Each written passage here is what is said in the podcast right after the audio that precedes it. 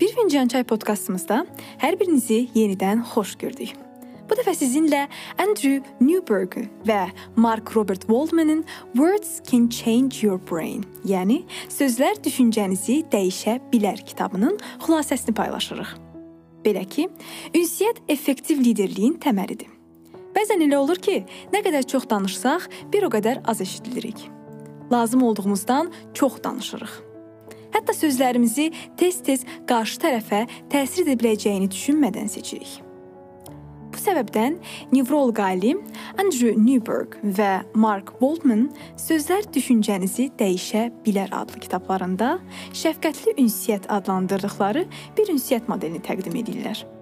Bu modelə görə müəlliflər beynimizin hər iki tərəfinin, yəni düşüncə və hiss tərəfinin ünsiyyətdə bərabər şəkildə iştirakını təşviq edirlər.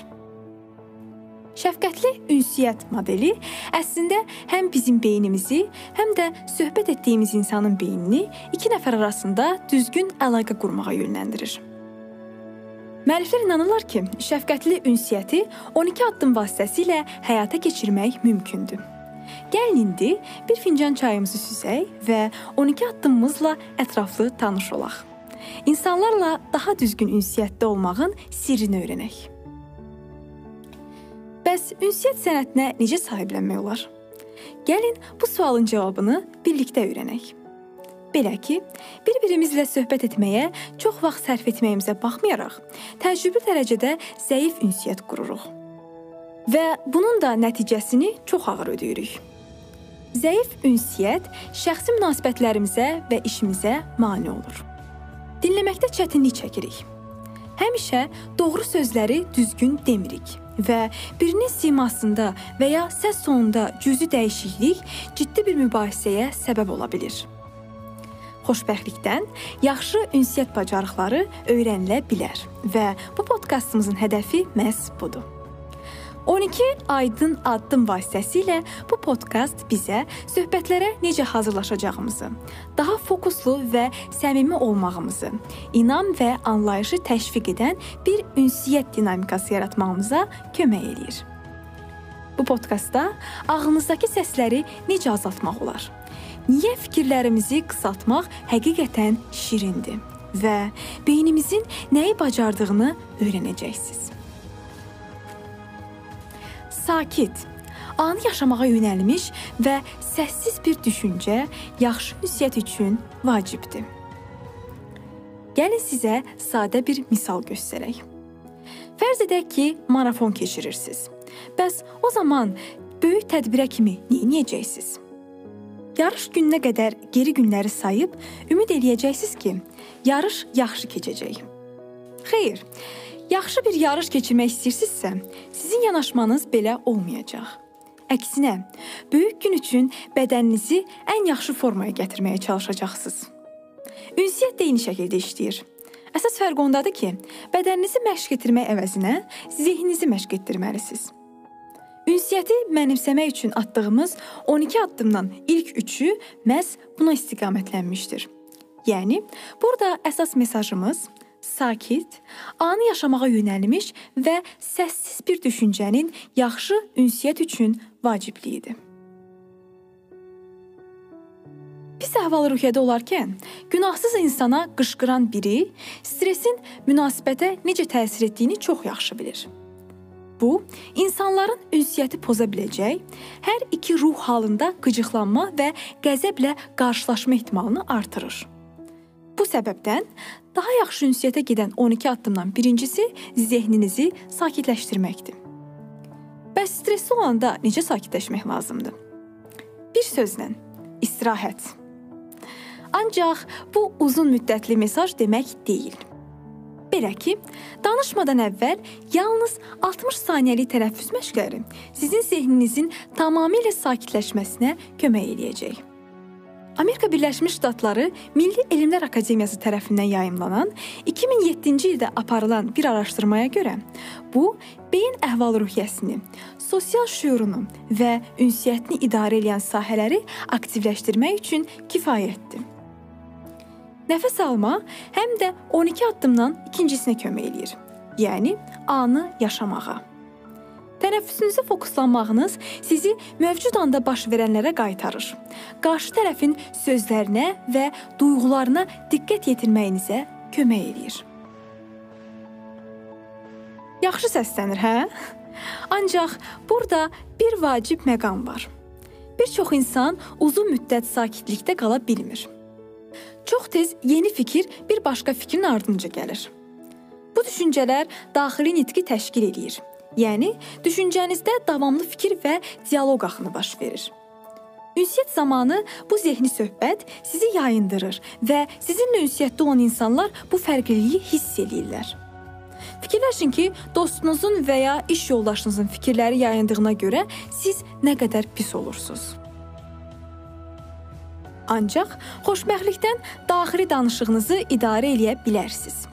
Bunu etmək daha yaxşı ünsiyyət üçün üçüncü addımlarımızdan biridir. Yəni, daxili səssizliyinizi inkişaf etdirməkdir. Məhz müəlliflər də sizə kömək etmək üçün aşağıdakıları həyata keçirməyi məsləhət görürlər. Gəlin baxaq, həyata keçirməli olduqlarımız nələrdir? Bir zəngi 15-30 saniyə ərzində səsləndirin və bu səs sönsə də ona diqqət yetirin. Səs tamamilə azaldıqda sakitliyə diqqət yetirin.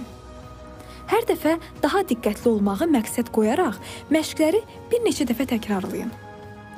Bunu diqqətlə cəmləşdirməyi öyrəndikdə söhbət zamanı daxili danışığınızı susturmaq daha asan olacaq. Pozitiv düşüncə vasitəsilə ünsiyyətinizi və beyninizin fəaliyyətini yaxşılaşdırın. Daima mənfi düşünən birinin yanında çoxmu olmusunuz? Heç fikir vermisiniz, vəziyyətdən asılı olmayaraq həmişə şikayət edəcək bir bəhanə tapırlar.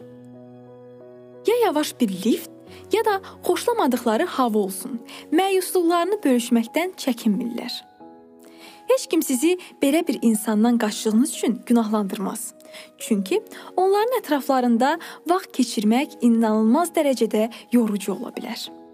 Ancaq bilirsinizmi, mənfi düşüncələr bizə yalnız mənəvi təsir eləmir. Məsələ burasındadır ki, neqativlik yalnız ünsiyyətə mane olmur. Əslində, uzun müddət beyninizə zərər verir. Bu səbəbdən daha yaxşı ünsiyyət qurmağın 4-cü addımı pozitivliyinizi artırmaqdır. Dördüncü addımımızın əsas mesajı müsbət düşüncələr vasitəsilə ünsiyyətinizi və beyin fəaliyyətinizi inkişaf etdirməkdir.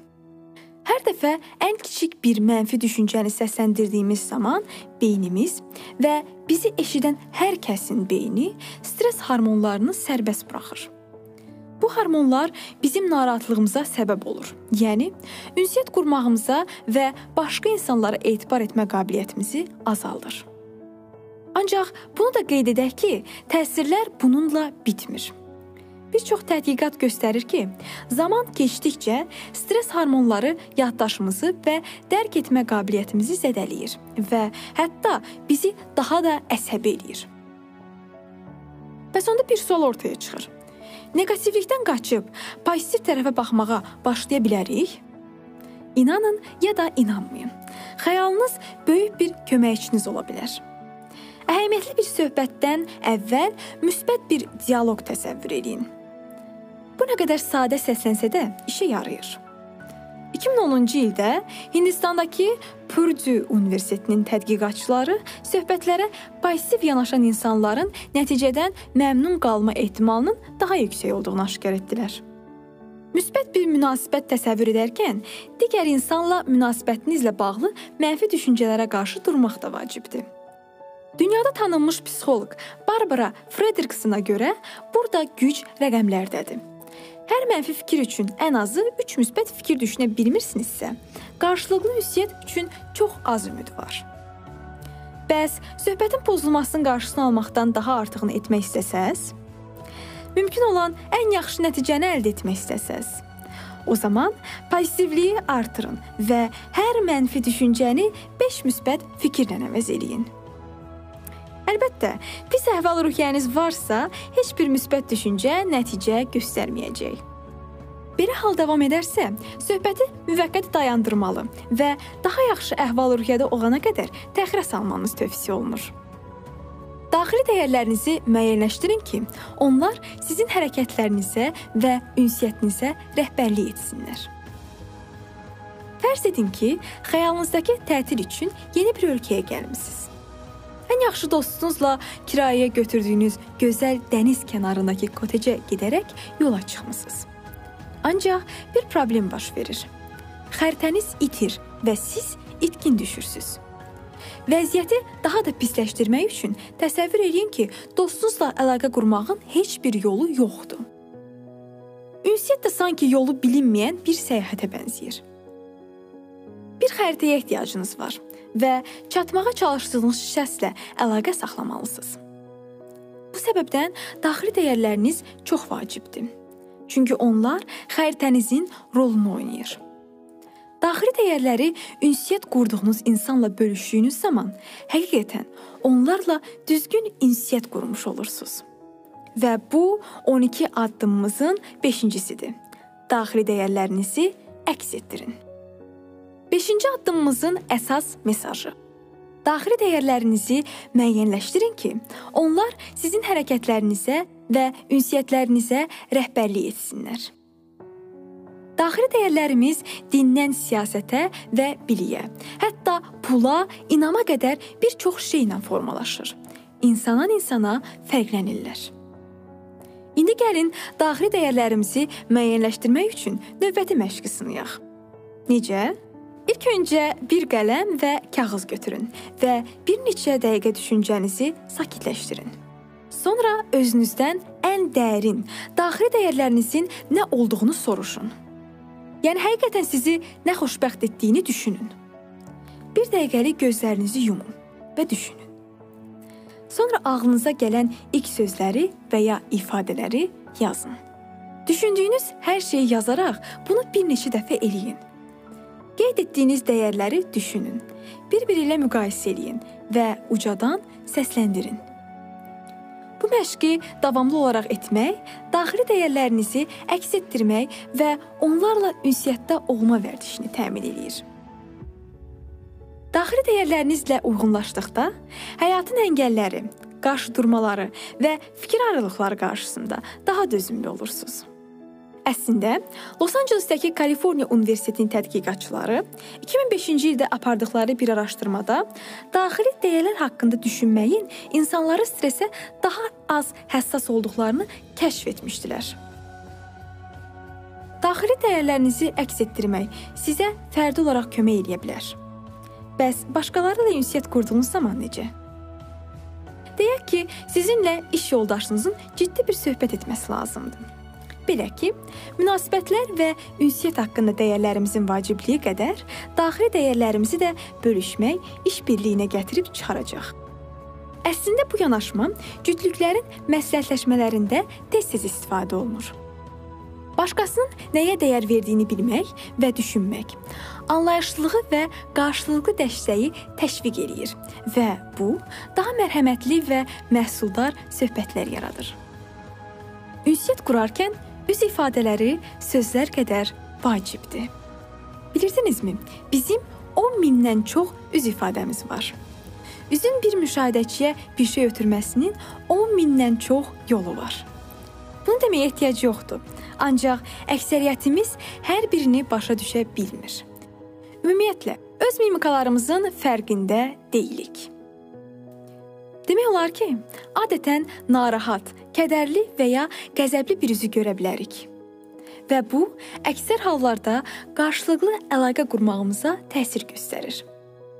Məktəb illərinə dönsək, əgər bir müəllim sinifə əsəbi daxil olardısa, onlarla danışarkən həyəcanlı ola bilərdik və ya ümumiyyətlə onlarla ünsiyyətdən qaçardıq. Ünsiyyət qurarkən buna oxşar ssenarilərdən uzaq olmaq üçün ifadələrimizə diqqət yetirməliyik. 6-cı addımımızın əsas mesajı ünsiyyət qurarkən ifadələrin sözlər qədər vacibliyidir. Söhbətə başlayarkən ən yaxşı üz ifadəsi maraq və xeyirxahlığı ifadə edən, əsas da inamı artıran ifadələrdir. Xoşbəxtlikdən hamımıza aid olacaq gözəl bir nümunə var. Leonardo da Vinci'nin Mona Lisa'sının məşhur yarı gülüşü və yumşaq gözləri. Və indi ən vacib hissəyə diqqət eləyək. Mona Lisa təbəssümünü saxta etmək mümkün deyil. Ancaq bənzər təbəssüm yaratmaq üçün yol var. Bu daha yaxşı ünsiyyətə aparan 6-cı addımdır. Xoşbəxt xatirələr haqqında düşünmək. Xoşbəxt bir xatirəni, xüsusən də sevilən bir insanı xatırlamaq sizə Mona Lisa təbəssümünə bənzər bir ifadə verir.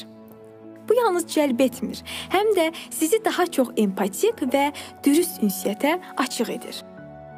Mona Lisa təbəssümünüzü mənimsədikdən sonra bir güzgü qarşısında əsəbi, kədərli və qorxulu üz ifadələri quraraq bəzi başqa ifadələri tətbiq eləyin. Hər üz zehni və emosional reaksiya verəcək. Bu təcrübəni də həyata keçirərkən söhbət əsnasında özünüzü ifadə etməzdən əvvəl öz reaksiyalarınızı idarə edə biləcəksiniz. Bədən dilinizlə birləşən üz ifadələri şifahi olmayan işarələri də meydana gətirir və bunlar çox vacibdir. Əslində 12-nin 7-ci addımı yalnız şifahi olmayan işarələrdən ibarət olmaqdır. Bəs bu işarələr niyə bu qədər vacibdir? Əgər üz ifadələriniz və bədən diliniz sözlərinizlə uyğun gəlmirsə, insanlar tərəfindən anlaşılmamaq riski var. Ancaq dediklərinizlə göstərdikləriniz eyni olsa, insanların diqqətini cəlb eləyəcəksiniz. Bir düşünün. Komediya ustaları öz fikirlərini çatdırmaq üçün necə tez-tez təbəssüm və jestlərdən istifadə edirlər. Başqalarının şifahi olmayan işarələrini bilmək eyni dərəcədə vacibdir. Bədən dilindəki və üz ifadələrindəki dəyişikliklər düşüncə və hisslər haqqında məlumat verir. Məsələn, kiminsə əsəbi, narahat və ya üzgün olduğunu göstərə bilər. Bu işarələrə diqqət yetirmək sizə dərin hisslərə çatmaq və hətta potensial narazılığın qarşısını almaq imkanı verir. Minnətdarlığınızı bildirin və razılığı stimullaşdırmaq üçün səmimi bir səs tonundan istifadə edin. Bizim atalar sözümüz var. Şirin dil ilanı yuvasından çıxarar. Əminik ki, çoxunuz bu ifadəni xatırlayırsınız. İnsanlar düşmənçilikdən çox səmimiyyətə daha yaxşı reaksiya verirlər. Düşünün. Kimsə sizə telefonla zəng etsə və get-gedə aqressiv danışsaydı, onları dinləmək və ya əməkdaşlıq etmək ehtimalı daha az olardı. Bu telefon zəngi kimi düzgün sözlərdən və tondan istifadə etsəz, ünsiyyət cəhdiniz uğursuzluqla nəticələnə bilər.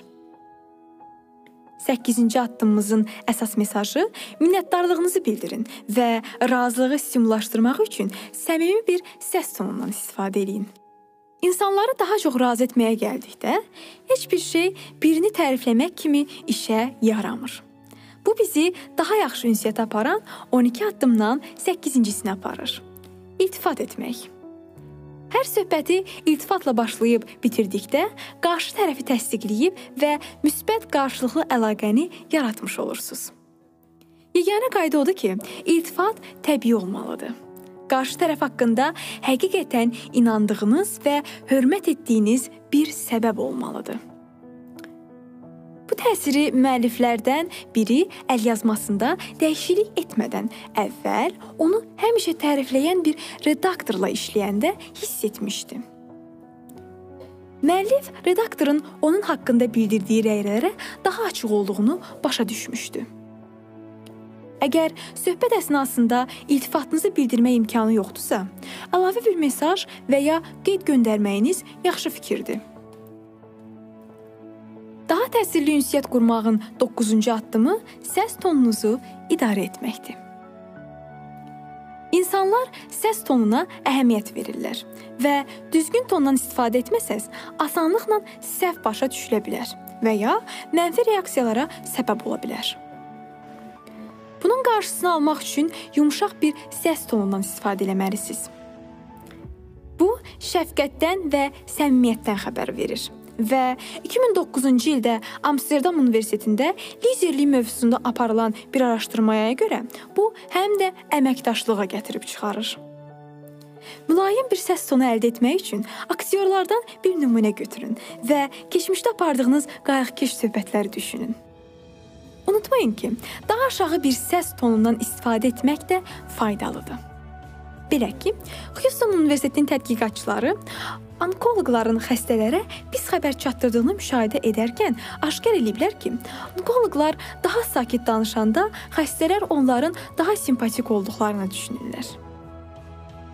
Ancaq bu o demək deyil ki, həmişə yumşaq və qayğıkeş danışmalısınız. Ümumi tonunuz sözlərinizə uyğun gəlmirsə, bununla siz yalnız insanları çaşdıracaqsınız. Təsəvvür eləyin ki, kimsə hirsləndiyini demək üçün şirin bir səs tonundan istifadə eləyir. Necə də gülməli vəziyyətdir. Həqiqətən, eşitmək və eşidilmək üçün az danışın, yavaş danışın və diqqətlə qulaq asın. İnsan beynində 100 milyondan çox neyron var ki, aralarında 1 kvadrilyon əlaqə var. Bəli, bəli, bu doğrudur. Kvadrilyon 15 sıfırladı. Məhz buna görə də beynimiz dünyada ən güclü kompüter sayılır. Ancaq bu şöhrətə baxmayaraq, beyin bir anda yalnız 4 bit məlumat tuta bilir. Kimsə danışanda beynimiz əslində hansı məlumatları saxlayacağını seçir. Bu o deməkdir ki, vacib söhbətlər zamanı etdiyimiz ən son bir anda çox məlumat paylaşmaqdır. 10-cu addımımızın əsas mesajı. Həqiqətən eşitmək və eşidilmək üçün az danışın, yavaş danışın və diqqətlə qulaq asın. İnsanların dediklərimizdən daha çoxunu qəbul etməklərini istəyiriksə, daha yaxşı ünsiyyət üçün 12 addımımızın 10-cusundan istifadə etməliyik. Yəni yavaş danışmalıyıq. Yavaş danışmaq yalnız başa düşməyə kömək eləmir, həm də hörməti artırır və təsəlliedici bir təsirə malikdir. Bunun əksinə olaraq, tez danışanda başqalarını narahatlıq və ya qorxuya sala bilərik. 10-cu addımımız ilə 11-ci addımımız, yəni yavaş-yavaş danışmaq ilə qısa danışmağın birlikdə işləməsidir. Daha aydın və anlayışlı olmaqları üçün bu metod natiqlər, aktyorlar və hətta müəllimlər tərəfindən tez-tez ifadə olunur. Bəs fasilə verməzdən əvvəl qarşımızdakı şəxslə nə qədər müddət danışmalıyıq? Cavab ən çox 30 saniyədir. Paylaşdığınız hər bir yeni bitdən sonra bir qədər dayanmalısınız. Digərinə sözlərinizi dərk etməsinə və ya sual verməsinə icazə verin.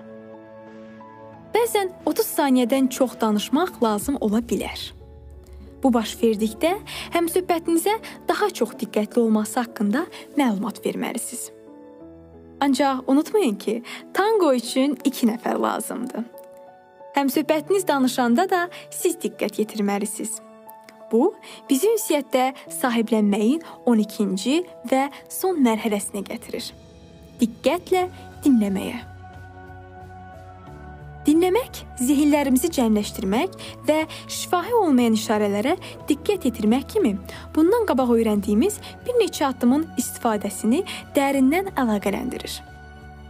Əlavə olaraq, mümkün qədər müdaxilə etməməyimizi tələb eləyir. Müdaxilə lazımdırsa, əvvəlcə üzr istəməli və qarşı tərəfi dediklərinin vacib olduğuna əmin etməliyik. Nəhayət, cavab vermə vaxtı gəldikdə qarşı tərəfin dediklərinə diqqət yetirməliyik.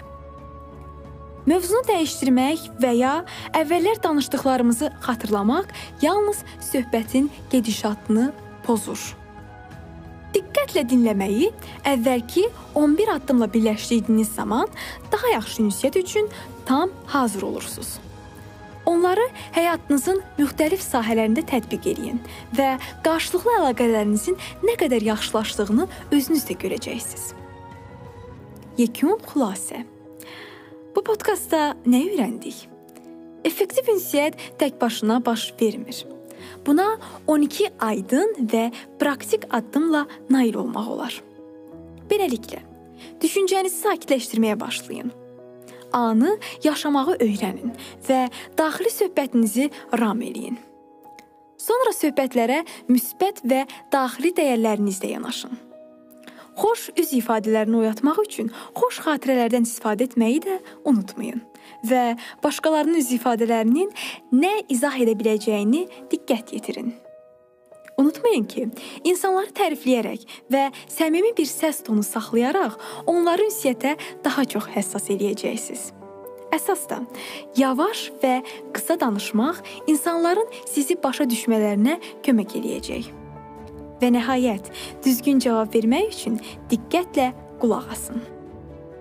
Qəzəbinizi mərhəmətiniz ilə aradan qaldırın. İnsanlar söhbət əsnasında əsəbi reaksiya verdikdə onlarla ünsiyyət çətin ola bilər. Ünsiyyətə ara vermək ideal çıxış yoludur. Lakin bu həmişə mümkün olmayacaq. Bunun əvəzinə insanda nəyə dəyər verdiyinizi düşünə bilərsiniz. Bu, onlara həqiqətən mərhəməti göstərməyə və əsəbin özü ilə deyil, əsəbin mənbəyi ilə danışmanıza kömək eləyəcək. Beləliklə, sözlər düşüncənizi dəyişə bilər adlı podkastımızın sonuna gəldik. Ümidvarıq ki, bugünkü podkastımızdan maraqlı və faydalı məlumatları sizə çatdıra bildik. Bizi dinlədiyiniz üçün təşəkkür edirik. Podkastımız haqqında fikirlərinizi şərh bölməsində bölüşməyi və kanalımıza abunə olmağı unutmayın. Gələcək podkast mövzuları üçün təkliflərinizi də gözləyirik.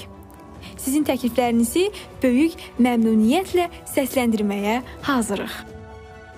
Siz Bir Fincan Çay podkastına Ferrum Capital və Milli Club'ın təşkilatçılığı ilə qulaq asdınız. Mən Ceyran Cəfərova podkastı səsləndirməkdən şad oldum. Növbəti yayımlarımızda görüşənə qədər